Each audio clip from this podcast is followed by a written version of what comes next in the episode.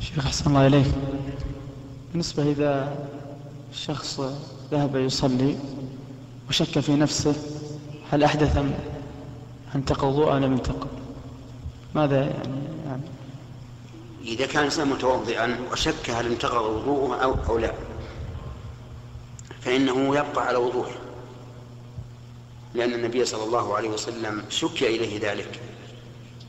فقال لا ينصرف حتى يسمع صوتا أو يجد ريحا.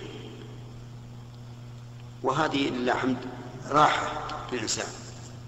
حتى لو قوي ظنك بأنك أحدثت لا تلتفت لهذا. إلا إذا تيقنت. لكن لو فرض أنك كنت على حدث وشككت هل توضأت أم لا هل يلزمك الوضوء أم لا؟ السؤال لك. نعم لو تعد عليه شيخ يعني الإنسان مثلا نقض الوضوء. ثم لما أذن وأراد أن يذهب إلى المسجد شك هل هو توضأ بعد نقض الوضوء أو لا. يتوضأ. إيه، يجب عليه أن يتوضأ. لأن الأصل بقاء الحدث حتى يتيقن زواله.